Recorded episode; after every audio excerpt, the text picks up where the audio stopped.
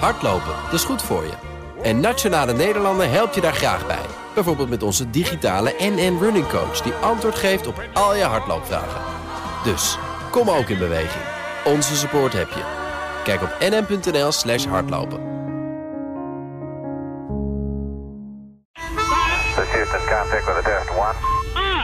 Touchdown confirmed.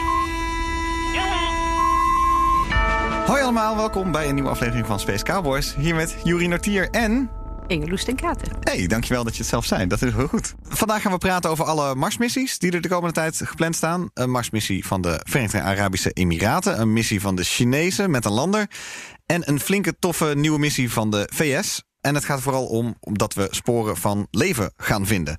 Uh, maar eerst, Ingeloes. Goed dat je er bent uh, voor degenen die jou niet kennen. Want eindelijk in deze Space Cowboys weer... Eindelijk is er een ja, ik, ik, ik, wil je absoluut geen cowgirl noemen. Dat is een beetje. Maar eindelijk in ieder geval niet meer zo'n. Niet, niet alleen maar meer boys. Jori, dat is even. Nee, niet alleen maar weer de vertrouwde oude stemmen. Gewoon nee, nee, een nieuw iemand. Heel fijn, heel fijn. Ingeloes, je bent uh, ja, in, het, in het Nederlands dus planetair wetenschapper en astrobioloog aan de Universiteit Utrecht. Yep. En nu ook associate professor. Yep. Ja. Uh, jarenlang. Nou, eens kijken, waar heb je gezeten? Je hebt in Noorwegen gezeten. En in ik ben ook gewoon in Nederland begonnen. Ook in Nederland ja, gaan begonnen? in Delft en in Leiden. Nou ja, ook nog in de Noordoostpolder. En oh, de Noordoostpolder? Ik heb bij NLR gewerkt. Oh. Ja. Mm -hmm. En uh, toen in Leiden.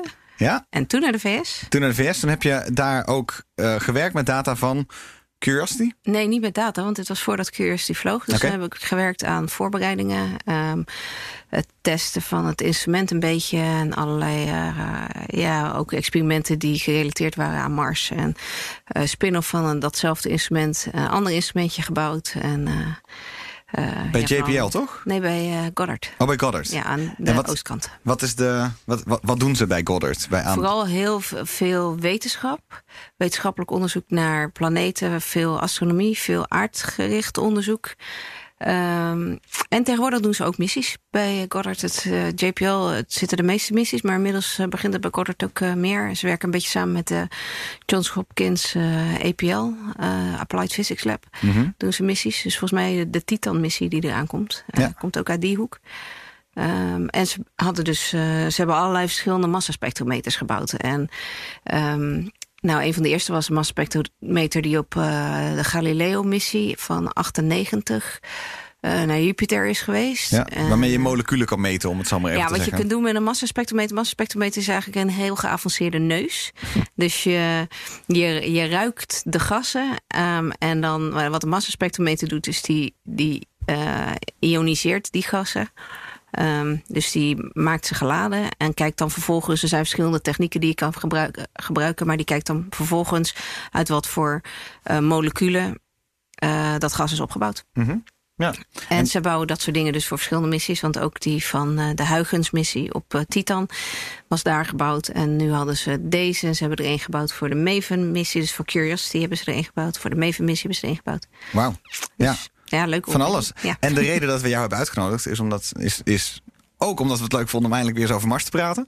En jou weer te zien. Maar er gebeuren uh, allerlei dingen, Juri. Wat, uh, wat, wat staat er allemaal te gebeuren en wat is er al gebeurd? Kun je het even samenvatten? Nou, het is spitsuur als het gaat om uh, missies naar Mars. Want afgelopen week is de eerste missie van de Verenigde Arabische Emiraten naar Mars vertrokken.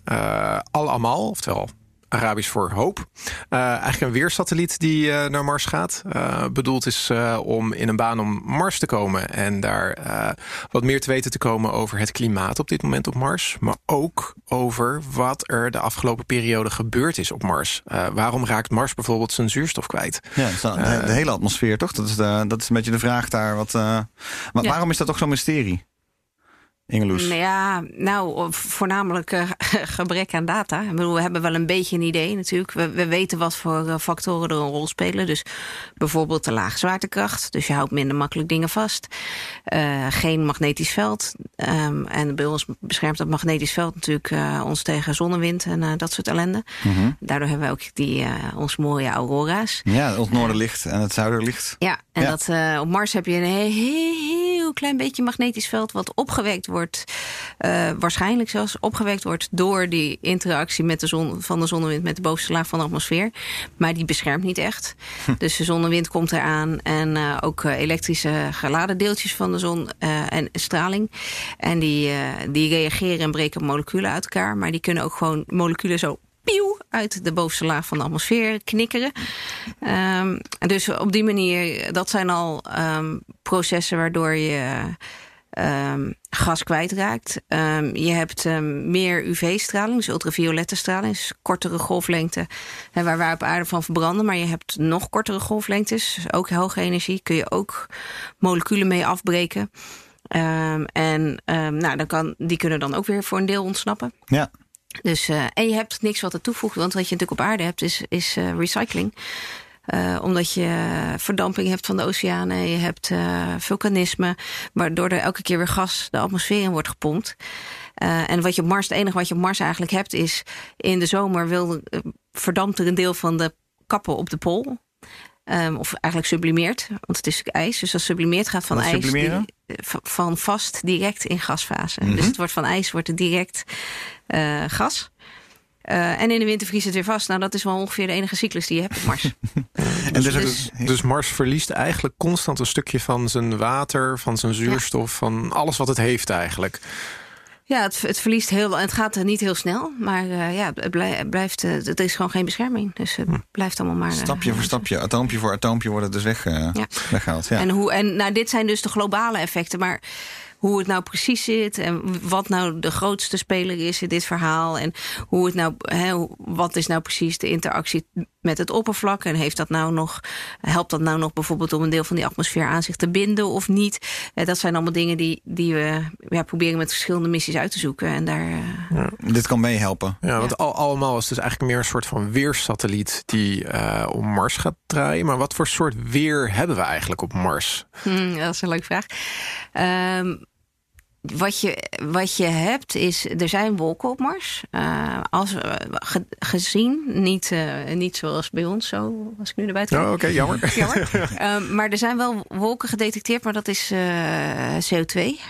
Ehm, en voor de rest heb je wel veel wind. Dus je hebt nog steeds door opwarming van het oppervlak.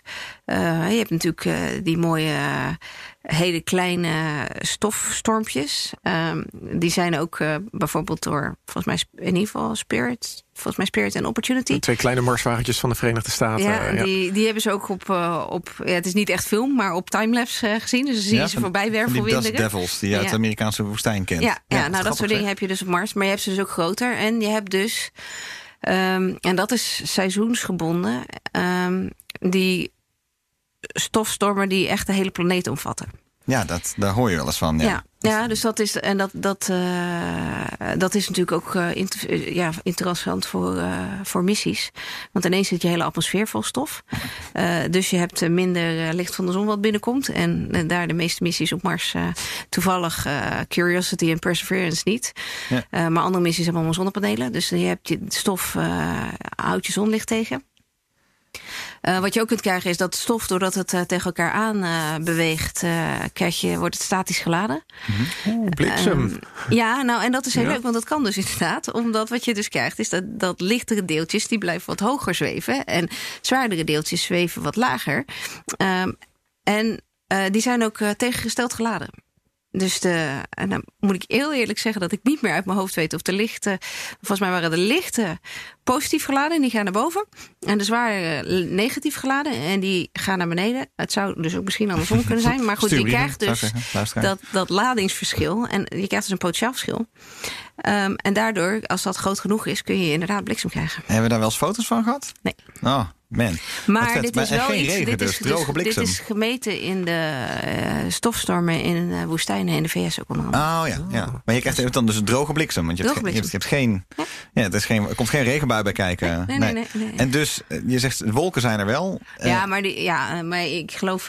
bedoel, er zijn wolken ijs. gezien. Ja, Maar, maar dan moeten we misschien meer denken aan de cirrusbewolking die hier op aarde ook al is. Heel hoog, ja, heel dat koud. soort. eh, ja. En, en waarom staat die wind dan door? En waarom, ik vind het eigenlijk apart dat het, het voelt als, alsof het toch een soort dynamisch weersysteem is. Met een, eigenlijk een hele dunne atmosfeer. En weinig ingrediënten, om het zo maar te zeggen. Ja. Hoe kan het dan toch opeens dat opeens Mars helemaal een en al storm wordt met een stofwolk? Waar komt het dan Ja, vandaan? dat is een goede vraag. Dat weet ik ook niet precies. Maar het heeft te maken met eh, opwarming in ieder geval. Want je krijgt toch door... eh, zeker in de zomer wordt het op de, kan het op de Evenaar best warm worden. Dan kan het zelfs 20 is- graden worden. 20, Oh ja, ja, nou dat is denk ik wel het absolute max. Maar dat, 20 graden, absolute wax op de Evenaar van... eh, ja, het kan... eh, Lekker. ik klink, ja, klinkt Ja, toch als het een, als een eh, prima... IJsland, zo, weet je, op de mooiste dagen. Ja.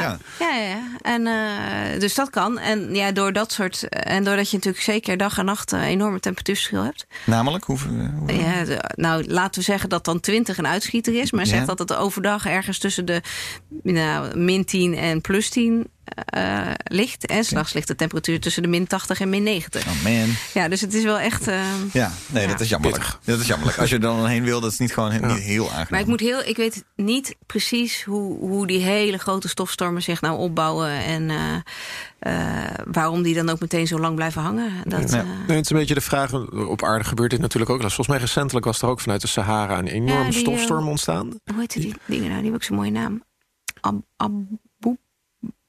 Weet ik niet zeker, maar dat was ook een enorme stofstorm die zichtbaar was, eh, eh, ook vanuit de ruimte, en die vervolgens over de Atlantische Oceaan trok en zelfs tot in de Verenigde Staten zijn Ja, die effect was had. recent, recent inderdaad. Ja. En de vraag is daar ook bij, hoe ontstaat dat midden in de woestijn? Want ook net zoals op Mars in de woestijn, het ziet er heel rustig uit het weer.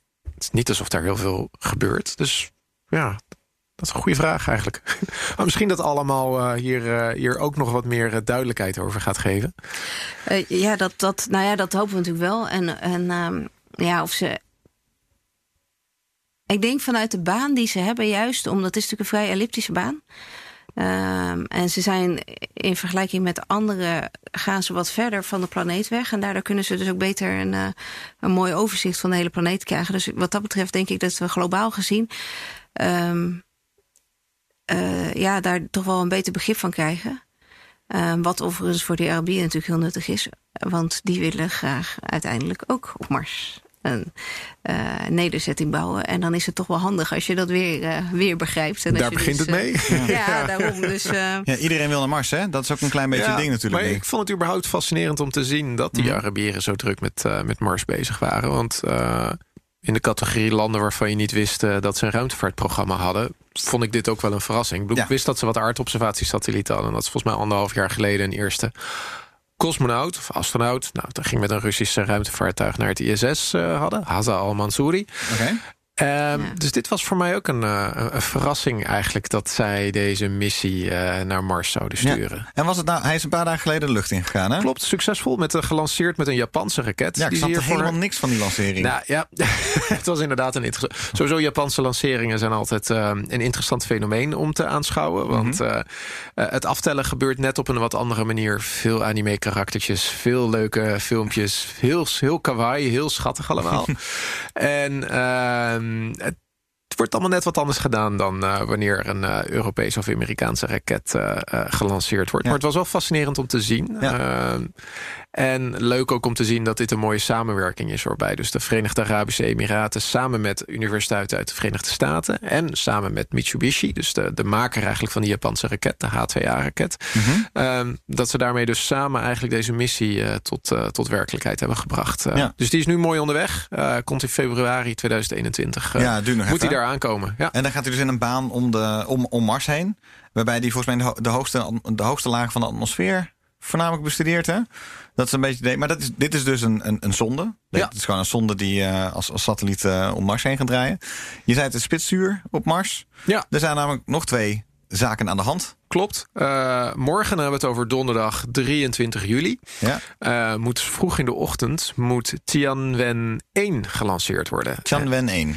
dat is eh, een Chinese missie. Eh, Het is eigenlijk de tweede Chinese missie die naar Mars gaat. Ja. Want ze hebben in 2011 hebben ze geprobeerd om samen met Rusland ook een missie naar Mars te lanceren. Rusland wilde toen een eh, lander op Phobos. Dat is een maan die in een baan om Mars draait eh, eh, laten landen. En als eh, verstekeling eigenlijk, of als eh, medepassagier, zou de Yingwu 1 eh, meegaan. Een kleine sonde die ook in een baan om Mars moest draaien. Oh ja. Die missie die is eh, helaas hopeloos mislukt. Wat was er Eh, mis- wat, hoe, was, hoe was hij mislukt? nou, wat is er goed gegaan is een betere vraag. De- het eerste deel van de lancering ging goed, laten we het zo zeggen. Dus, Hij ging de eh, hij kwam in een baan om de aarde. Alleen vervolgens ging echt alles mis. Quality control vanuit de Russen is waarschijnlijk de belangrijkste oorzaak geweest. Maar de ontsteking van de raketmotor... die uiteindelijk eh, het hele setje, dus de lander van Rusland... en de sonde van eh, China in een baan richting Mars eh, moest gaan krijgen... die mislukte, waardoor het hele setje een paar weken later... verbrandde in de atmosfeer. No way. Ontzettend zonde, Ja, want dat- het was een hele Hij gave is missie vlak voor geweest. Curiosity eh, gelanceerd. Dat Ja. scheelde echt maar twee weken of zo. Dat Serieus? in dezelfde launch window. Ja, Ja, dus dat was ook heel echt, erg oh, niet zonde. eens. Niet, volgens mij echt eh, een dag of een paar dagen daarvoor. Dus het was echt... En, en eh, welke want- vragen zou die, zou Nou, die kijk, gaan proberen te dit- allemaal dit- beantwoorden? Dit was eigenlijk eenzelfde soort zonde als voor allemaal. Dus gewoon eh, foto's nemen van Mars en eh, remote sensing. Die missie van Rusland, klein uitstapje, eh, die was wel heel gaaf geweest. Ja. Dat was namelijk een lander die dus op Phobos, een maan om Mars, moest gaan landen. En die daar eh, stukjes van de aarde moest gaan eh, opnemen. Sample return mission. Van Phobos, ja. Van, ja, ja. Van Phobos. Dus dat, ik weet, dat heet dus niet de aarde, maar dat Nee. We snappen hem, we snappen hem, no worries. En dat moest dan weer terug naar aarde gebracht worden. Mhm. En dat was wel heel gaaf geweest. Dan hadden we dus eigenlijk voor het eerst stukken grond van een volledig andere planeet Ja. gehad. Eh, maar helaas, het mocht niet zo wezen. Het Ja. niet zo wezen. Maar goed, morgen, donderdag de 23e, moet China dus Tianwen-1 gaan lanceren. En Tianwen-1 is een, eh, ook weer een pakketje aan instrumenten. Het zijn namelijk twee onderdelen. Allereerst hebben we een sonde, net als eh, allemaal, die in een baan om Mars moet gaan draaien.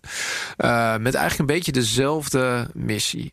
Remote sensing. Eh, een idee krijgen van hoe de atmosfeer van Mars zich, eh, zich, zich gedraagt gedurende de periode. Ja. En eh, foto's nemen. En het tweede gedeelte, dat is het meest interessante gedeelte ook van deze missie. Dat is een lander, een wagentje, een Marswagentje. Ja. En wat er gebeurt is dat zodra dit hele setje in een baan om Mars is, koppelt dat gedeelte zich los. Mhm. Wordt dan in de atmosfeer geremd, parachute opent zich en uiteindelijk plopt het hele gedeelte als een soort van airbag door de atmosfeer en klapt het op de, op de, op de, op, op de oppervlakte van Mars. Dus eh, het is gewoon een ballon. Vind je een ballon? Dezelfde manier als, de, als eerder de Als Amerikanen het Curio- hebben gedaan. Nee, niet als Curiosity, als eh, Spirit and Opportunity. Ja, die hebben het ook met zo'n gek, gekke, gekke ballon aan de En buitenkant. als dat eh, allemaal goed het gaat, dan Ja. eh, klapt het hele gedeelte open eh, op Mars. En dan eh, zou er een wagentje uit moeten rijden. Een beetje hetzelfde soort wagentje volgens mij als, eh, als Spirit and Opportunity. Ja, volgens mij ook. Hetzelfde grootte zo ongeveer. groot. Ja. ja, dat kan ook niet anders. Want als je groter bent, kun je niet met een ballon. Nee, en dan heb je, Nee, dat is het. en dan heb je een verdraaid groot hitteschild ook nodig volgens mij eh, Ja, ja, ja, om uiteindelijk dus, te landen. ja. En eh, wat ik in ieder geval heb begrepen... de Chinezen zijn vrij gesloten over het Mars-programma helaas... Enorm, want ik, heb, ik kon er dus eigenlijk helemaal niks over is vinden. dat dit wagentje natuurlijk foto's moet gaan nemen. Ja. Eh, ook op zoek moet gaan naar de chemische compositie van eh, de plek waar die landt. Mhm. En ook op zoek moet gaan naar zogenaamde biosignatures. ja, dat is natuurlijk interessant. Ja, Dat, is- dat vind ik zou jij iets meer Ja. kunnen zeggen over biosignatures? Want wat, wat moeten we daarbij denken? Ja. Wat moeten we Ja. daarbij verwachten? Ik denk dan namelijk gelijk, die gaat leven vinden op Mars. Ja, nou, er is van alles. Kijk, als je op zoek gaat naar biosignatures, dan ben je op zoek naar leven. Want anders eh, zit het woord bio er niet in. Eh, maar je kunt aan allerlei dingen denken. Want je. ehm, het is heel makkelijk om te denken van nou, dan gaan we meteen naar bewegende wezentjes kijken. Ja, kunnen we bacteriën vinden bijvoorbeeld. Eh, je kunt ook naar bepaalde type moleculen kijken. Nou, dan moet je weer heel eh, voorzichtig mee zijn, want je kijkt dan naar organische verbindingen, maar eh, heel veel organische verbindingen kunnen ook zonder de biologie heel goed gemaakt worden. Dus als je echt wil kijken naar biosignatures, dan moet je kijken naar. ehm, ehm, als je bijvoorbeeld zou kijken naar eh, aminozuren, dat is iets wat hè, leven zoals wij het kennen heel veel gebruikt. Ehm, maar eh, wij gebruiken alleen maar linkshandige aminozuren. Oké. Ehm, dus dan moet je kijken of er een verschil is. En wij gebruiken dan rechtshandige suikers. Eh, dus dan moet je kijken of, er een, eh, of je een overmaat aan één bepaalde type eh, ja, biomoleculen kunt vinden. Want dat is iets wat leven doet. Die, die gebruikt of de ene kant of de andere kant. Ehm, omdat ja, de manier waarop al, al je, de rest van je cellen zijn gebouwd passen de ene, eh, past de ene hand past er wel in en de andere hand past er niet in, in je. DNA bijvoorbeeld. Ehm, dus dat is iets waar ik, dat heet homogiraliteit. Dus je hebt giraliteit betekent dat je van heel veel moleculen die leven gebruikt, dat je een links- en een rechtshandige vorm hebt. Ehm, als je kijkt naar chemische processen, die produceert dat soort vormen eigenlijk ehm, evenveel. Dus dan heb je eh 50% links en 50% rechts.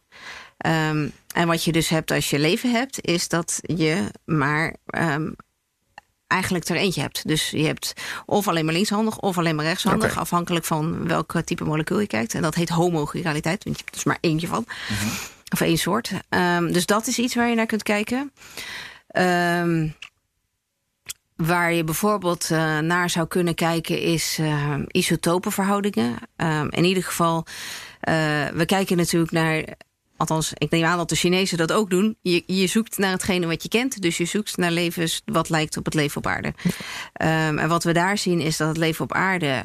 ehm, bijvoorbeeld als je naar koolstof kijkt... eh, de 12 isotoop gebruikt, die is lichter. Ehm, dus wat je dan ook zou kunnen zien is, zie je bijvoorbeeld organische moleculen die dan voornamelijk eh, isotoop 12 van koolstof hebben. Eh, dus dat zou een indicatie kunnen zijn.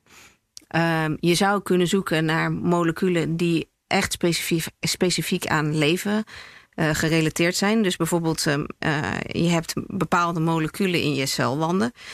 ehm, die echt alleen maar geproduceerd worden in een levend systeem in die celwanden. Die worden niet chemisch in, eh, zonder leven geproduceerd. Dus je kunt naar dat soort specifieke moleculen zoeken. Ehm, en dan zitten we dus nu heel erg op de, de organische moleculenhoek. Ehm, een ander ding waar je naar kunt kijken is naar ehm, eh, mineralen. Want we weten bijvoorbeeld dat eh, leven interactie heeft natuurlijk met de omgeving en daarbij bepaalde type mineralen produceert. Wat bijvoorbeeld interessant is, is dat we inmiddels zo'n 5000 verschillende mineralen kennen, waarvan ehm 2.500 gevormd worden door niet-biologische processen, 2 tot 2.500. En alles daarboven heb je leven voor nodig. Dat weten is we een gewoon. Ja, dat weten we flinke catalogus aan, aan, aan potentiële mineralen die dus bij Ja. leven horen. Ja, dat is een hele grote catalogus. Nou verwacht ik daar heel veel van nog niet op Mars. Maar ehm, wat je dus bijvoorbeeld ziet is eh, bepaalde ij- ijzerhoudende mineralen... die gevormd worden doordat eh, bacteriën bijvoorbeeld eh, andere stoffen uitscheiden... of zelfs ijzer uitscheiden. En dat, dat wordt weer op de een of andere manier in de mineralogie...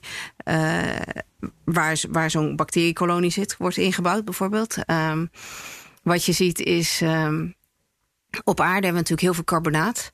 Ehm, je kent de bekende kliffen in Engeland Ja. bijvoorbeeld. Maar je kunt carbonaten vormen biologisch en abiologisch. En daar kun je, eh, nou dat, dat kun je zien, maar dat kun je bijvoorbeeld ook. Als je wat eh, het sample analysis op Mars instrument, waar ik daarna gewerkt heb op Curiosity, wat die deed, was die nam grondmonsters en verhitte die. En door die verhitting eh, kwa- kun je moleculen van, de, van, van zo'n grondmonster, eh, ja, dat, dat verhit je dan. Dus die komen in de gasfase en die kun je meten. Maar je kunt ook eh, mineralen eh, kapot maken. Dus bijvoorbeeld als je een klein mineraal hebt, als je dat verhit, kan er water uitkomen. Maar bij carbonaten kun je dat verhitten. En dan krijg je eh, CO2. Een carbonaat is een CO3-mineraal. Dus dat kun je afbreken en dan komt er CO2 bij vrij. En bij biologische mineralen. En niet biolo dezelfde variant, als die biologisch is gemaakt of niet biologisch is gemaakt, zit er eh, tussen de 5 en eh, 10 graden verschil, soms nog wel iets meer, bij de afbraaktemperatuur van zo'n mineraal. Dus daaraan zou je dus kunnen, en dat is wel heel specifiek, en dat Heel kan hier specifiek, op, ja. in het lab kan dat allemaal heel makkelijk. Nou is dat op Mars is dat al veel moeilijker, Ja. want je al die randvoorwaarden. Maar dat zijn dus dingen waarin je kunt zien of iets bijvoorbeeld biologisch of niet biologisch gevormd is. En daar wordt heel veel onderzoek naar gedaan. Ehm, van ja, hoe, hè, wat, hoe beïnvloedt nou leven zijn omgeving en hoe is die interactie? En kunnen we dus inderdaad aan de mineralogie kunnen we iets afleiden of daar biologische processen in de buurt zijn geweest die daar eh, die mineralogie hebben. Ja. Dus dat, is, dat zijn dan denk ik de, dat zijn de dingen waar je naar kunt kijken. Ja. Ik heb dit dat- gaat er natuurlijk heel erg van uit dat leven is zoals het hier op aarde is. Ehm, hoe groot is die kans dat het op Mars ook nog ook zo is gegaan ooit als er leven is geweest? Nou, als we kijken, eh, de- dat leven veel geavanceerder is, als er ooit leven is geweest op Mars. Hè, laten we dan daar hypothetisch Als, nu als, eventjes als, vanuit ja, Stel dat er leven Stel. geweest zou zijn op Mars, dan zou het niet heel veel eh, verder geëvolueerd zijn tot iets meer celligs, maar dan houdt het ook wel op. Ik bedoel, complexer leven dan dat, daar, dat denk ik niet. Hoe lang, hoe lang denken we op dit moment... wat is onze beste schatting van dat er zeg maar een habitable... Ja, het zit in de habitable zone, maar dat het ook een klimaat heeft gehad... waarvan je denkt, nou, dat zou, dan zou het nog wel een beetje kunnen. Hoeveel Nou, laat ik het optimistisch zijn en zeggen, nou, misschien een miljard jaar? Misschien een miljard jaar. In het begin dan ook vooral, of is dat een... Ja, oké. Het is Ja, soort want na een miljard jaar zijn eigenlijk de meeste aanwijzingen voor langere termijn vloeibaar water zijn weg. Ehm, de atmosfeer was toen al behoorlijk aan het afnemen. Want anders had je ook nog wel langer vloeibaar water gehad. Mhm. Eh, dus die was ook weg. Ehm weet je, je natuurlijk, bedoel, je kunt eh, eh, redeneren en hypothetiseren een heel eind. Hè, als het er was, kan, ja. je, kan, je, kan het er natuurlijk, hè, kan het zich in niches hebben begeven. En dat kan daar lekker doorgegroeid zijn. Hè. Als je Nog dan natuurlijk in een grot zit in Mars, dan is de temperatuur veel stabieler. Je hebt minder last van straling. Nou, je kunt het allemaal opnoemen.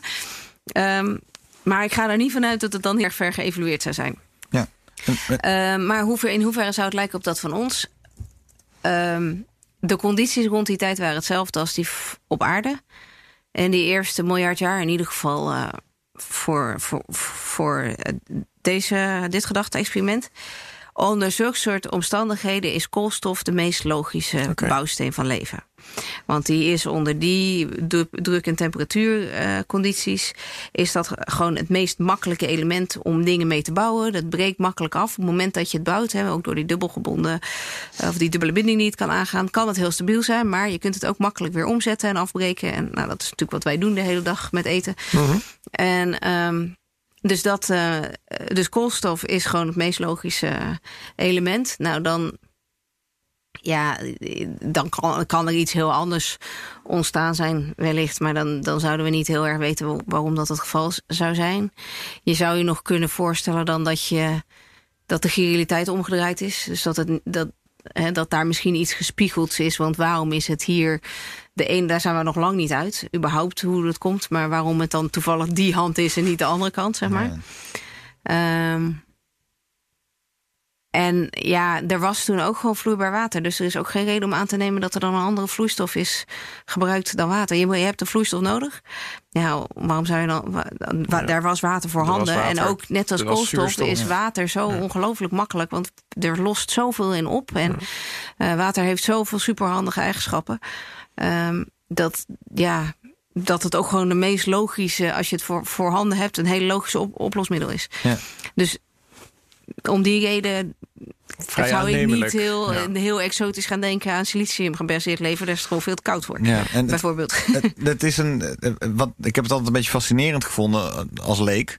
Dat je denkt van, nou ja, wat is het? Sinds de jaren zeventig zijn er landers die kant op, eh, op gegaan. Mhm. Ehm, is er nooit een soort brute force methode geprobeerd? Zo van, even, even hierop checken om te kijken of het misschien leven heeft. Want het is altijd van, het lijkt alsof de vraag alleen al de juiste vraag komen en de juiste opdracht eh, aan zo'n lander meegeven al zo gecompliceerd is, is hebben, dat, dat ik het altijd een beetje fascinerend heb gevonden dat, eh, dat het zo stapje voor stapje gaat. Nou, Dat het ging nooit- niet stapje voor stapje. Dat is natuurlijk de grap. Want Oké. met Viking ging het niet stapje voor stapje. Viking ging gewoon zoeken naar leven. Die ging gewoon zoeken. Ja, die, ging gewoon force zoeken naar leven. Ja. Ah, oké. En die hadden ook een experiment eh, op alle twee de landers. Ehm, Is dat het labeled release experiment? Ja. Oké, ja. nou, ik ben benieuwd. Ja, nou wat die deden, en het is echt een heel slim experiment. Wat ze deden is, eh, als je leven hebt, heeft leven eten nodig.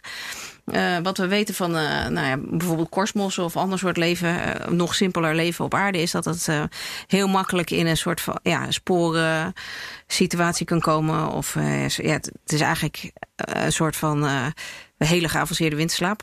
Want ze drogen zichzelf dan helemaal uit, die bacteriën. Of ze, hè, er blijven alleen maar een paar hele essentiële basisonderdelen over. En zodra er dan een groeimedium in de buurt is, water of iets, eh, leeft dat weer op. Gaat het als een gek groeien en bloeien. eh, repliceert een miljard keer. En dan is het water weer op. En dan gaan ze weer in, dat, in die winterslaapsituatie. hè. Dat korstmossen doen dat ook.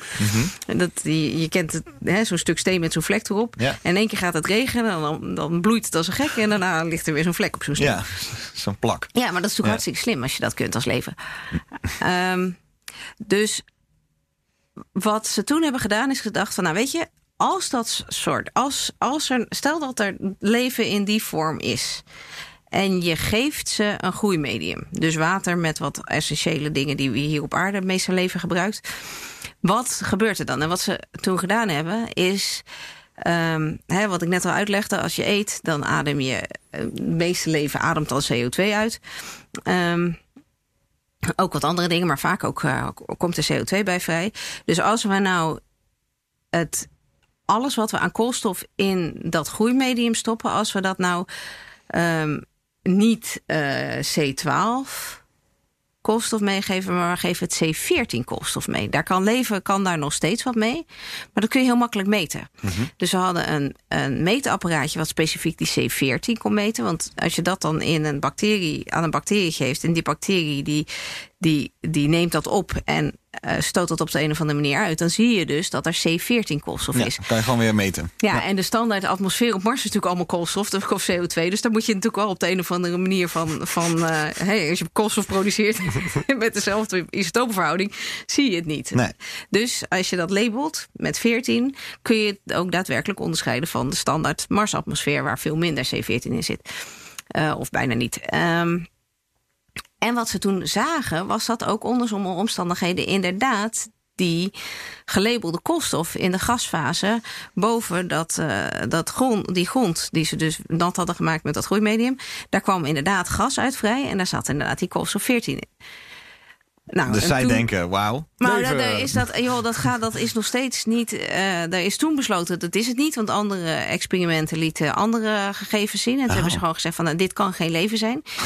Die uitkomsten van die andere experimenten, daar is inmiddels ook heel veel over te doen geweest, omdat eh wat ze daar. eh, Ga je me nou zo meteen vertellen dat, het, dat we eigenlijk toen leven hebben gevonden op Mars? Of, nou, als eh, het aan de PI van dat instrument ligt, wel ja. Serieus? Ja, die zegt van ja, jongens, weet je, dat andere instrument dat ligt aan de koolwater of in de chloorverbindingen die ook op Mars zijn. Dus dat ligt niet. Dat instrument werkte perfect. Ehm, en hij is ervan overtuigd dat. Dat, of hij, is, hij, is ervan, of hij is ervan overtuigd dat dit niet een of andere foute meting was. Ja. Dus en wat meer hij hand, zegt natuurlijk hij. zegt, heb nou eens het lef om gewoon mijn experiment nog een keer te vliegen. Ja, En dat doet niemand. wauw. En dat is, en ik snap Raar. wel dat je daar heel gefrustreerd En daarvan denk ik ook, ja, weet je, dit zijn experimenten waarbij je. eh, en hij heeft op allerlei manieren laten zien dat het echt eh, heel moeilijk is om hier op een andere manier eh, zijn resultaten uit te krijgen. Eh, er, worden, er zijn nog steeds mensen die het allemaal niet met hem eens zijn. Maar ja, goed, de beste manier om het, eh, om het te ontkrachten of te Bevestigen is gewoon nog een keer testen. nog, nog een keer te doen. Wauw, dat is een vet verhaal. Ja, dus dat, dat is. eh, maar Ik goed, zie het de Chinezen nog wel doen. ik zie het de Chinezen best doen, ja. En dus puur, ik ben puur- heel. Ja, puur ook omdat absoluut niet bekend is wat ze nou allemaal precies gaan doen met, die, eh, met dat Maar dat zou, maanwagentje. ja, ik, dat zou Oh, interessant nee, zijn. dat Zou- zou echt heel ja. gaaf zijn als ze dat zouden doen. Dus ja, dat is natuurlijk de. Ja, daar, dus en, maar omdat daar toen besloten was, eigenlijk van nou kijk, er zijn zo weinig aanwijzingen die. Die dat bevestigen, dus we kunnen er gewoon niks over zeggen. Had Viking natuurlijk geen leven gevonden, dat gingen ze wel doen, ja. En dan, en dan oh ja, er is dus geen. Weet je, het is dus de planeet Mars. Aan de ene kant staat een een landertje. Aan de andere kant staat een landertje. Samen hebben ze, ik geloof voor labeled release, hebben ze in totaal vijf experimenten geanalyseerd. Nou, misschien dat ze verdeeld over twee landers tien, tien samples hebben gemeten. Nou, dat is natuurlijk eigenlijk niks. Dus daarvoor hebben, daar, op daar basis daarvan hebben ze meteen de hele planeet afgeschreven. Ja. Eh, maar goed, we gingen op zoek naar leven en het was er niet. Ja, probeer dan maar eens geld voor je nieuwe missie Nieuws- te krijgen. ja, precies. Dus Was vandaar- dat ook een reden Ja. waarom het zo lang duurde voordat er daarna weer een nieuwe missie naar Mars kwam? Want dan hebben we het eigenlijk pas over Surveyor, volgens ja, mij. 97. Oh ja. 97. Dus van 71 Nee, tot... 76. Oh, de 76. Viking- Vikinglanders landen op 76, weet ik nog heel goed. Ik was ja. drie maanden oud. Als de dag van gisteren, ja. En, eh, en toen dus inderdaad bijna 20 jaar, nee, meer dan 20 jaar, geen missies naar Mars. Geen missies naar Mars. En Bizar. dat had voor een deel daarmee te maken. En voor een deel ook gewoon eh, omdat er minder geld was. Ja. En waarom het op een gegeven moment meer, weer ging, natuurlijk nog veel meer ging lopen. Ehm, de surveyor was al gepland. En toen hadden we natuurlijk in 96 hadden we de ALH 84001 meteoriet. Die gevonden was op Antarctica. En die kwam ook van Mars. Ja. En die is ook helemaal, he- helemaal eh, nou, om te zeggen, dood geanalyseerd. Hij was toch al dood? Ja. Ja, maar die is helemaal geanalyseerd. En wat ze op een gegeven moment in 1996, dus vlak voordat de Surveyor en de Pathfinder werden eh, gelanceerd, ehm, vonden ze daar organische verbindingen. En ze vonden daar allerlei structuren. En wat ze ook op een gegeven moment vonden, waren microscopische vormpjes die leken op gefossiliseerde bacteriën. Ja, En toen is Oh, dat, dat verhaal. artikel stond in Science. Clinton. Clinton, die, die quote van Clinton, die nog in meerdere Hollywoodfilms daarna is gebruikt. ja, die Ja. quote van Clinton. Maar wat daar dus de door... quote van Clinton was dus dat hij... Ja, hij zei dus in principe half-half in een soort ochtendvergadering... zei hij van nou ja, misschien dat het wel zo zou kunnen zijn... dat we niet not alone zijn in the universe. Ja. En eh, we moeten nog even de juiste resultaten afwachten. Een beetje die strekking. Ja. Maar wie weet. Dus het is, het is volgens mij in, co- in contact of zo. Wordt het volgens mij zit hij ook, die quote. Hmm. Ja, volgens mij ook inderdaad. ja. Ja. Maar goed, hij heeft er toen inderdaad ook een persconferentie over gegeven zelfs. Ja. En nou, dat werd daarna allemaal ontkracht. Want hè, die vormpjes die waren echt, echt veel en veel kleiner dan alles wat wij aan levende eh, vormpjes eh, ooit hebben gezien. Mhm. Eh, en kon je ook heel makkelijk gewoon geochemisch maken. Had Oh, je geen, ja, niks voor nodig. Maar daardoor werd toch ineens ehm, de interesse voor potentieel buitenaards leven weer aangewakkerd. Het was ook de tijd van de X-Files natuurlijk. En de. Ja, ook ja, inderdaad. Ja, Ehm, Independence Day. Maar ook begonnen we op aarde, begon er steeds meer leven op hele rare plekken gevonden te worden. Oh, Extremofielen. geothermal vents waar... eh, De- op de raarste plaatsen, we wisten al wel op, eh, in hele zoute dingen, hele zoute meren en zo. En eh, in Yellowstone, dat was ook al een tijdje Ja. bekend. eh, in die hot springs op 80 graden. Maar er werden op steeds meer exotische plekken werd leven gevonden. En toen in combinatie hiermee en gewoon voorschrijdend inzicht, eh, hebben ze bij NASA gedacht, we moeten hier toch wat geld in stoppen. Dus toen zijn ze bij NASA heel actief astrobiologie gaan vinden. Ah, wat goed. En daardoor mm, he- loopt het nu dus allemaal en wordt er toch echt heel veel meer in die richting gezocht. Ja. Dus het heeft inderdaad heel lang geduurd voordat we naar, weer naar Mars gingen. Ehm, maar in één keer was de interesse terug. En eh, nou ja, nu gaan we met z'n allen tegelijkertijd. Ja, daar lijkt het wel op, ja. Je had toen ook nog... eh, Misschien is het wel leuk om het even af te maken ook. Want ehm, eh, nou, nu gaat eh, Perseverance... Perseverance gaat binnenkort de lucht in. Schrikkelijke naam hebben ze gekozen. Ja, Niemand kan hem in één keer goed... Ingenuity dan. Ja, Een tongbreker. Nou, Ja. Perseverance is wat dat betreft wel weer een toffe. Zit echt wel behoorlijk in de lijn van de, van de eerdere Marsrovers die gaat. Ja. Daar gaan we het zo meteen even over hebben. Misschien is het leuk om even die lijn af te maken. Want volgens mij in de jaren negentig... er zijn er ook nog een paar neer, neergestort. Hè. De Mars Polar Lander is ooit... De Mars Polar Crasher. Ja, Mars Ja. Polar Lander- Wat was het ook weer? Omdat er een kilometers en miles eh, verwarring was geweest, toch? Missie, Mars 95, 94, Ja, de 95, Mars rond die tijd. 95. Die Of is Mars ook- 96? Dat is, die heet het een beetje hetzelfde lot volgens mij als eh Phobos Groent. Ja. Wel gelanceerd, maar weer ter aarde gestort. Ja, Eh, Climate Orbiter heeft het ook nooit gehaald. Ja, Eh, ze noemen het toch ja. de Mars Goal, Mars Ghost of zoiets. Gewoon eh, iets ongrijpbaars waardoor al dit Nou soort ja, missies... we zitten, eh, volgens mij zitten we nu net... in Het hangt een beetje vanaf hoe je het bekijkt. Want we, we hebben natuurlijk nu best wel een aantal positieve dingen gehad richting Mars. ja die maar goed, Insight doet eh, het goed. Insight doet het goed. Ja. Maar ja, goed, Europa is vrolijk met eh de, de Tracecast Orbiter... en weer iets wat in een gat geparkeerd is. Schiaparelli. En dat ging niet helemaal goed. En Beagle ging niet helemaal goed. En eh, de Japanners, ik bedoel, voor die Emiraten, die gaan, het zijn nu met de Japanners die kant op. Maar Japan is één keer naar Mars gegaan. En die hebben Mars gemist. Oh, dat was een En- Nozomi, ja. eh, klopt. Ja. Dus die, dat ging, dus Mars is gewoon echt niet heel makkelijk. Want je, ik bedoel, je moet er al een paar keer bijsturen om überhaupt in de juiste baan te komen. Ja. Nou, als je daar eenmaal bent, dan moet je je afstanden goed eh, in het juiste, juiste frame hebben gezet. Maal zijn eh, meters goed. Ja, maar en dan heb je natuurlijk, hebt een hele dunne atmosfeer. En, ehm, en het, alles wat je doet is natuurlijk, eh, je kunt niks bijsturen. Op een gegeven moment druk je op een knop en zeg je, nou ja, oké, ga maar dan. Hoeveel, hoeveel lichttijd tot Mars? 8 tot 15 minuten. 8 tot 15 minuten. Dus dat, dat schiet gewoon dat totaal niet op om... onmogelijk eh, bij te sturen. Dan, Je ja. kunt Nee, niks. er kan Gewoon, helemaal niks, gewoon, bij, bij Curiosity noemden ze het de Seven Minutes of Terror. Die landing. Ja, maar goed, dat ding dat ging met een skycrane en een, en een parachute en eh, dingetjes en moeilijk. En, dus, Hij heeft het eh, wel gered. Want het wel uite- uiteindelijk gered, hebben we wat maar- Spirit Opportunity hebben het gered. Ja. Eh, en even kijken, Phoenix, Phoenix. En, en Dawn. Dawn, Dawn zat. Dawn, Dawn was- ken ik eigenlijk niet. Het is een gravity assist en is een flyby geweest. Flyby. Niks Oh, anders. ja. Oh, Dat, ja, dat is dat niks. vaker. Nee. En dan zijn er een paar... eh, even kijken, ik zie hier ook een lijst met welke operational zijn. Curiosity doet het dus nog steeds natuurlijk. Ja, dat is de, eigenlijk het rijdende laboratorium van de Verenigde Staten. Ja, de enige die het nog doet, hè. Want eh, welke was het? Opportunity, die is dus op een gegeven moment in een... eh, ja, ja, met maar zand- niet zo lang zand- geleden. Ja, zand op de, op de het zonnepanelen. iets langer dan de 90 dagen volgehouden, toch? ook. Ja. ja. Ja, Ja. en uiteindelijk Curiosity ook. Die, die, ehm, die, doet nog. Insight, Ja. Insight is nog bezig met eh, eh, het- het meten van de aardbevingen natuurlijk. Ehm, maar Curiosity die werd een beetje op, lijkt het, met dezelfde vragen op pad gestuurd als Perseverance nu. Kan dat? Ja, maar dat, is, dat klopt wel. Want ze zijn alle twee... eh, follow the carbon was het dan. En ja, follow the water, follow the carbon. Ehm, kijken naar bewoonbare of leefbare... of eh, plekken waar leven mogelijk zou kunnen zijn geweest ooit. Ja, en in dit geval gaat hij naar Jezero Crater. En dat is dus een, een krater die is al heel lang geleden gemaakt, eh, die krater. Heeft zich vervolgens, schijnt hij zich opgevuld te hebben met water. Ja. En dat water is er op verschillende momenten in de, in de tijd eruit gestroomd. Eén keer via die andere kant, de andere keer weer volgelopen via een andere kant. Ja. En dus denken ze, nou ja, misschien dat daar wat interessante aardlagen...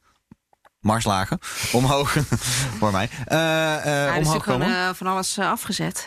Dus je zit met al die... Ja, als hij van de verschillende kanten volstroomt... en verschillende kanten weer leegstroomt... krijg je allemaal mooie sedimentafzettingen. Ja, dat en je wat zit daar dan in? Ja, want dat is natuurlijk bij... filmpje, dan kunnen we even tegelijkertijd meekijken. We zullen het ook even in de show notes zetten.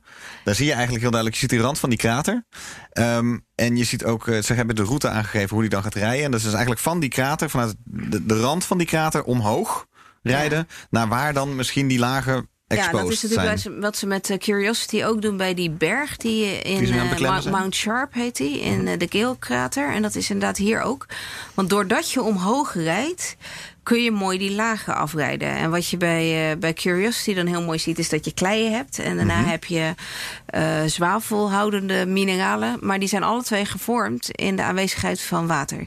Dat zijn alle twee eh, mineraalsoorten die je niet kunt maken als je geen water hebt. Ah, dus dat ze Ehm, weten gewoon al dat vloeibare ja, water moet daar geweest zijn. Dat, weten we En dat is ook de reden dat ze hier naartoe gaan. Ja, Want eh, ik bedoel, inmiddels zijn we wel zover dat we niet meer naar Mars gaan waar er geen water is. Nou ja, We weten misschien voor. Insight niet, want daar, daar ging het niet om. Nee. Maar eh, voor dit soort missies gaan we daar, eh, gaat het daarom. Ehm, en ehm, wat ook wel interessant is, is dat we denken dat de, die waterhoudende kleisoorten, die zijn natuurlijk eh, afgezet eh, toen er water was. Ehm, maar dat, je kunt ook aan het soort mineralen dan weer zien of de pH-waarde van het eh, water veranderd is. Of het dan heel zuur was of heel basisch. En, dus dat is ook een reden om in dat soort mineralen te kijken. En wat we ook weten van dat soort mineralen, is dat ze, ja, het zijn een soort sponsjes, ze zwellen op. Ze kunnen in hun kristalstructuur eh, die bestaat eigenlijk uit een soort van lagen. En daartussenin kunnen ze bijvoorbeeld water opnemen. Dus als je een, een bakje hebt met hele droge klei... en je doet er een beetje water in... dan zie je ook die klei zo omhoog komen als een spons. Heel leuk. En, eh, eh, maar in die klei, of in dat water... kan natuurlijk van alles opgelost zitten. En dat kan ingevangen blijven tussen die lagen van de kleien. En dat zie je bij, bij die filosilicaten. En dat, dat zie je bij die, bij die zwavelhoudende mineralen zie je dat ook. Ehm, dus dat soort mineralen zijn dan weer hele leuke eh, ja, containertjes eigenlijk... om te kijken van wat za- zat, er, wat zat er in dat water. En kun je dat in die mineraalstructuur van die, van die kleien... en van die zwavelmineralen nog terugvinden. Ja. Dus dat is ook een van de redenen waarom ze naar dit soort plekken gaan... en dan, dan daar onderzoek in doen. En zijn er, zijn er nog even over die delta's en, en, en, en die rivieren. Zijn, er nou veel van zulke plekken op Mars waar je eigenlijk kan. Ik, ik, ik zit met mijn vriendin, die is landschapsarchitect, zitten we wel eens over Google Mars te gaan. En dan kom je dus dingen tegen waar je denkt, ja, maar dat, het zou bij wijze van spreken hier kunnen zijn. Je ziet die delta ook, ook bij, op, op, bij eh, eh, eh, deze krater, de bij Jezero krater, zie je ook gewoon heel duidelijk. Ja, dit ziet eruit als iets wat je kan op, op aarde vinden. Zijn er nou veel van die plekken op, Nou, op er zijn, Mars? we zitten, dat is wel interessant, want er zijn zeker eh, eh, een aantal veelbelovende plekken. Dus nou, dit is er één, eh, Gale is er één, er zijn er nog één. Um, Mart Vallis is er nog zo één. En er zijn er nog een aantal. Ehm, en ehm, er zijn er ook een aantal die om die reden op dit moment niet bezocht mogen worden. Want we hebben die. eh, Er is die, die, die eh, Planetary Protection Treaties. Ja, en hebben de officer wel eens een keer de uitzending gehad eh, hier.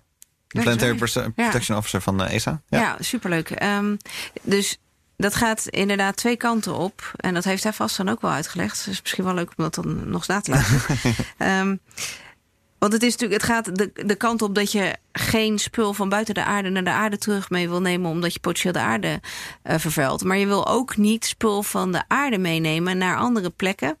Ehm, en zeker op Mars. Op Mars hebben we toch aanwijzingen dat er gedurende bepaalde hele korte eh, tijdvakjes in de dag, dus vooral vlak na zonsopgang, dan heb je net een, een, een hele korte tijd waar de temperatuur zo is dat je net onder het oppervlak vloeibaar zou kunnen hebben.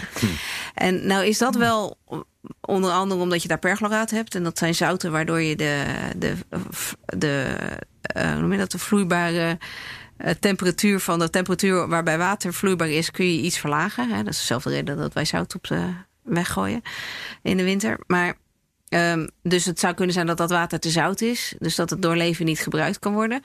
Eh, maar er zijn een aantal regio's waar, waar we toch van zien... van nou, daar denken we dat daar zoveel wateractiviteit is geweest. Daar gaan we op dit moment niet naartoe. Want stel nou dat daar iets zit en je neemt wat mee van de aarde... en je daar de boel. Dan zul je het nooit meer weten. Wauw. Maar er zijn nu, we gaan nu wel echt zijn, wordt heel hard gedebatteerd. En eh, op dit moment, eh, ESA heeft eh, vorig jaar zijn Cosmic Vision voor tot 2050 ronde gehad. Dus, en NASA heeft nu zijn Planetary Science Decadal Survey. Dus dat doen ze elke tien jaar, elke decade. Dan mogen alle wetenschappers mogen naar, nou, naar ESA en naar NASA schrijven waar ze heen willen, wat ze willen doen en waarom. Ehm, en die, die Cadel Survey van NASA is dus nu net een paar weken geleden dichtgegaan.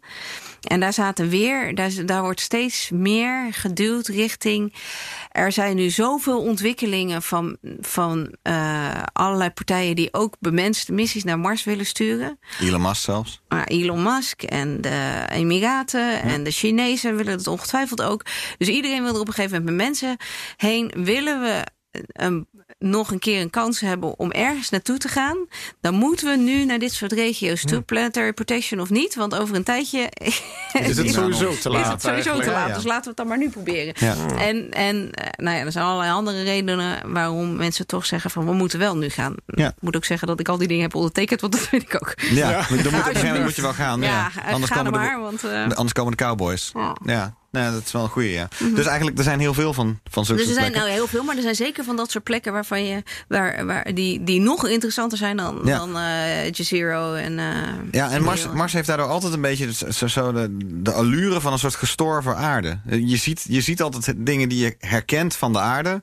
Maar als het ware alsof hier de, de nachtkaars is uitgegaan. En alleen nog maar op Mars. En dan alleen nog maar een stuk rots met een dun atmosfeertje. Ja. En, en wat, wat overblijfsel over is gebleven. En volgens mij is dat nog een beetje de vraag, toch? Van in, in hoeverre lijkt het, heeft het dan misschien ooit op ons geleken? En dan is nu de vraag nog, is het er dan nog? Dat is dan een beetje de. Nou, dat is, eh, dat is zeker. eh, kijk, je, je hebt allerlei modellen over hoe vroege planeten zich vormen. We hebben, eh, we hebben. We weten natuurlijk op zich het een en ander over Mars. Genoeg om te weten dat er wel een atmosfeer was. Dat er wel, we zien al die tekenen van vloeibaar water. Nou, daar heb je.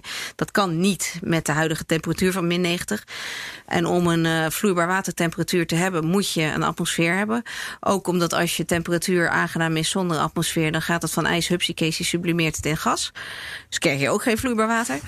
Ehm, dus dat, dat zijn dingen die we weten. We weten overigens ook uit metingen die gedaan zijn, eh, onder andere van de Mars Odyssey, Mars Global Surveyor. In ieder geval Global Surveyor volgens mij. Die had een ehm, eh, ja, magnetometer, dus een magnetometer aan boord. En die kon vanuit een baan om Mars kon die meten of het gesteente, wat je dus kon zien, ehm, magnetisch, eh, of daar een magnetisch veld in zat. Mhm.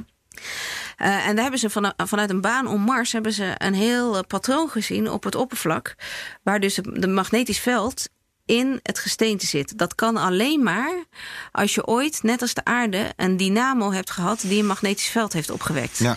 Want Nou, dat is bijvoorbeeld hoe, je, hoe we op aarde eh plaattectoniek terugredeneren. Dus hoe je op aarde bekijkt hoe zat het Middellandse zeegebied er vroeger uit. Of hoe is het met die botsing tussen India en Azië... waar uiteindelijk de Himalaya uit is gekomen. Dat, dat doe je onder andere door met het magneetveld... wat opgeslagen is in die stenen... kun je terugkijken door de grootte van het magneetveld en de richting...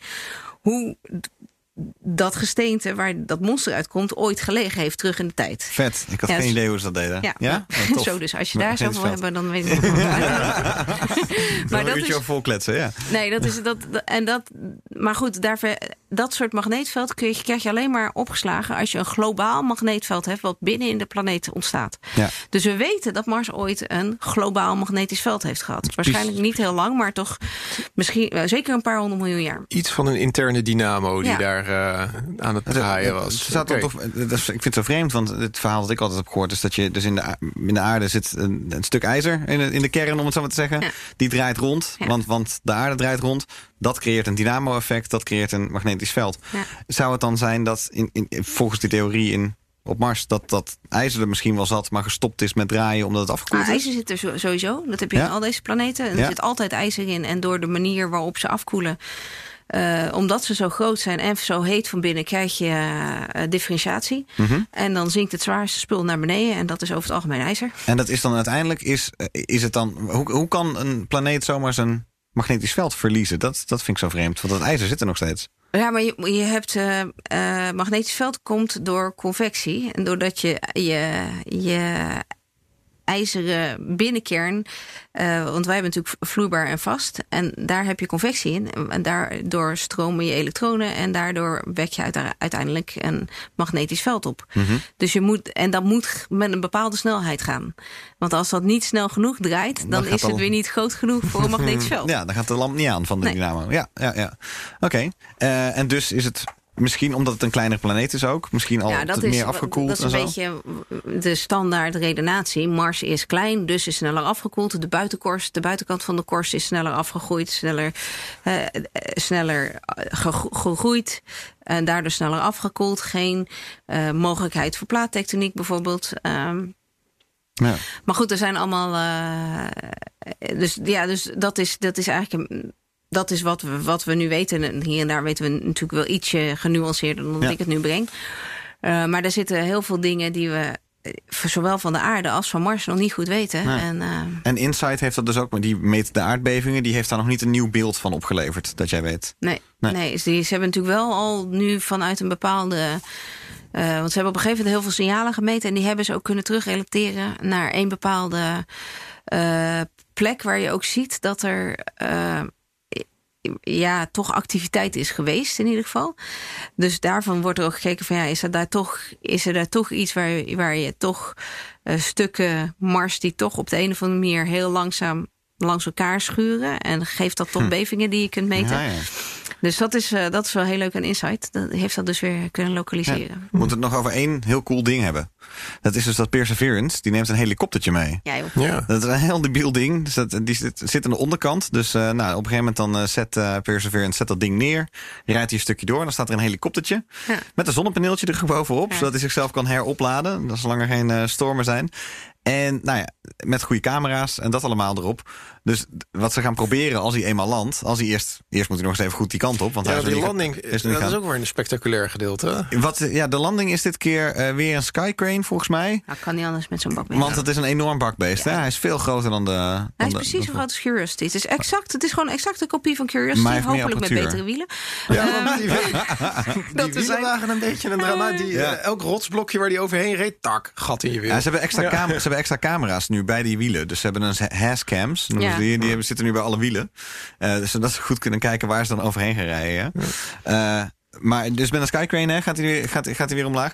Dat, dat, dat helikoptertje, dat, dat moet het zelf gaan doen. Want het kan dus niet op afstand bestuurd worden. Het gaat eerst nou, een kleine hop maken, dan een grotere hop. En zo gaan ze proberen steeds meer eh, van dat ding te krijgen. En dan vliegt hij elke keer terug. En dan doet hij zijn data uploaden. En dan hopelijk, hopelijk, ja, hopelijk, kijk, hopelijk krijgen we te zijn zien. coole Dus filmpjes. En voor de rest is het natuurlijk gewoon technology is- dit- demonstration. ja, daar- maar daar ik bedoel, wil eh, wetenschappelijk gezien... Dat betaalt weer voor tien jaar wetenschap. De, Nou ja, weet je, ik zou best wel eens een keer een timelapse vanaf boven, hè? Zo'n drone view van Mars. Ja, uh, Wie wil slow motion, 4K, alles. Verkoopt lekker. maar Ja, maar je, moet, dit- je hebt dat soort dingen heb je ook gewoon. dit- Dit, dit wil iedereen zien. Ja, en je moet op de een of andere manier. En dat is, dat, daar hebben ze een hele goede trade-off. En dat moet ik zeggen dat dat ook bij de Arabische missie, eh, de Emiratenmissie, zo is.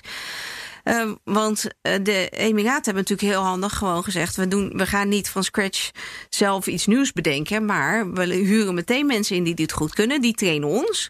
Zodat we meteen op een goed niveau instappen. En we doen we, we doen een opvolgmissie op wat er al gedaan is. Want dit is eigenlijk qua onderzoek eh, opvolging voor, van eh, de Maven-missie van NASA. Oh ja? En ja, dat is eigenlijk gewoon een volgende stap. Hmm. Ehm, dus wetenschappelijk gezien is het super interessant. En technologisch gezien hebben ze meteen een stap. En Ja. dat is natuurlijk nu bij, eh, bij Perseverance ook. Want die heeft nog iets anders leuks overigens. Want die Ja. gaat ook sampletjes meten en achterlaten voor sample return. daar het straks inderdaad over Jury, dat vertel, mijn- vertel. dat- ik, dat- ik weet dat- wat je het over hebt. Dat, dat was mijn. eh, Wat meest- zo tof? Ja, dat vond ik het meest toffe aan deze missie. Het is een, het is een herhaling van eh, Curiosity. Leuk, vind ik leuk. Nou, dat is vind het eigenlijk ook niet. Want er zitten heel veel... Ja, maar Heel er veel zitten nieuwe. Er zitten zeker nieuwe... Er zit nu een instrumentje op, dat is weer technologie. Ehm, om te kijken hoe je zuurstof kan winnen op Mars. Nou, dat Oh ja. mochten Oh, dan gaan we mensen het echt over Ja. in situ research utilization. Utilization, Ja. ja. Ja, hoe je zuurstof kan winnen uit de, uit de lucht, toch? Uit CO2, CO2. ja. Ja, Ja. dat is het idee. Ehm, en er zit nu een... eh, Zodat we een basis kunnen bouwen. Nee, en zodat we raketvloeis, eh raket, eh, kunnen maken. hebben, ja. ja. Er zit, eh, vorige keer zat er een eh röntgendiffractometer op. En natuurlijk Sam, die zijn sampletjes verhitte en op die manier dingen deed. Nu zit er een Raman spectrometer op. Dus die zet je op je gesteente en die kan. ehm, dus hoef je niks voor te samplen. Die kun je gewoon op je steen zetten. En die kan dan vervolgens vertellen wat de compositie van die steen is. Vet. Dus dat is ook echt heel erg leuk. Ehm, en er zit natuurlijk wel weer een standaard weerstation en iets meer camera's. Ehm, en verder, wat, wat hier dan inderdaad speciaal aan is, is dat ze dus al die contextonderzoek kunnen ze doen met deze instrumenten. En dan kunnen ze vervolgens zeggen: Nou, dit is wel heel interessant. Nu halen we er met een boor een heel klein, heel klein stukje uit die steen waar we nu naar zitten te kijken. En dat slaan we op. En dat kan iemand anders laten komen halen. Ja, want dat is inderdaad het gave ervan. Er zitten dus volgens mij een paar van die eh, reageerbuisjes eigenlijk in. 43 is geschikt. Super steriel gemaakt. Volgens mij als je leest hoeveel aardse moleculen er maximaal in mochten zitten... dan was het maar een paar. Dan heb je het echt over moleculen. Zo steriel Moleculen, is het uiteindelijk wauw. gemaakt. Ja, en het, de grootte van een potlood ongeveer allemaal. Klein Klopt, potloodje. Klopt. Ja, En die worden dus gevuld en die worden dus volgens mij ergens in eh, Perseverance bewaard. Ja. Op een gegeven moment stopt Perseverance ermee. Gaat een keer gebeuren. Uh, misschien alleen al omdat het kernreactortje wat erin zit uh, opraakt. Uh, misschien ook de andere reden. Maar het idee is dan dat we ergens later in dit decennium... dat er een missie naar Mars wordt gestuurd... die, die reageerbuisjes uit de buik van Perseverance gaat trekken. Vervolgens terugrijdt naar een ander wagentje. In zijn buik? Een ander wagentje uh, wat daarvoor of daarna geland is, uh, dat daarin zet. En dat moet dan weer afgeschoten worden richting de aarde. Ja, moet de, een baan op, die, baan die op Mars komen. en betekent dus worden, ja. dat je maar 43 van die potloodjes mee kunt nemen. Want je hebt namelijk, anders krijg je het niet terug. Nee, Nee, oh ik, man. ik vond het, toen ik, toen ik dit las, toen ik dit hoorde, vond ik dit zo'n uh, speciale missie. Um, met name omdat je dus. Je hebt, je hebt een missie nodig die uh, een wagentje wat dus naar uh, Perseverance toe rijdt, vervolgens dat eruit had. En je hebt dus nog een aparte missie nodig, uh, waar een soort van retro of een, uh, een, terugkeerraket in Mhm. mm -hmm. zit. Dus je hebt verschillende missies nodig om een paar potloodjes aan Mars stof terug naar de aarde te krijgen. Maar er is dus een Ja, een zou het theoretisch, theoretisch zou je natuurlijk net als wat de Hayabusa 2 op die asteroïde nu doet. Ja. Uh, Ryugu. Ryugu, ja. Um, um, iets meenemen en weer uh, teruggaan. En die, die, dat is eigenlijk meer een soort van kaatsen. Die staat ja. niet eens stil. Hè? Die, die, die, die ketst, neemt wat mee. En, en, en, en, en, en uh, ja, dus... Uh, um, dat zou je kunnen doen. Um, het grote nadeel daarvan is, um, zeker op Mars... Uh, ja, dat, dat je de context niet hebt. En dat is natuurlijk het voordeel hiervan. Je kunt heel veel contextonderzoek doen. Dus op het moment dat je zegt van... oké, okay, nou, dit, dit stukje gesteente gaan we meenemen... dan heb je ook heel goed nagedacht waarom je dan dat stukje wil... en niet het stukje anderhalf meter verderop, ja, zeg maar. Daar moet een hele goede keuze voor gemaakt ja, zijn. Ja. En, uh, Dus vandaar dat ze het op deze manier doen. Uh, het heeft ook zo zijn voordelen. Dan heb je nog even wat tijd om sample return terug te, door te ontwikkelen. Want dat kunnen we natuurlijk op dit moment. Is die technologie daar nog niet. Er uh, wordt natuurlijk heel hard aan gewerkt. Um, maar ja, bij Mars is natuurlijk altijd alles enkele race. Maar ja, dat wordt natuurlijk ook uh, is super interessant. maar grappig zijn hier natuurlijk, zoals altijd overal, ook weer meerdere kampen.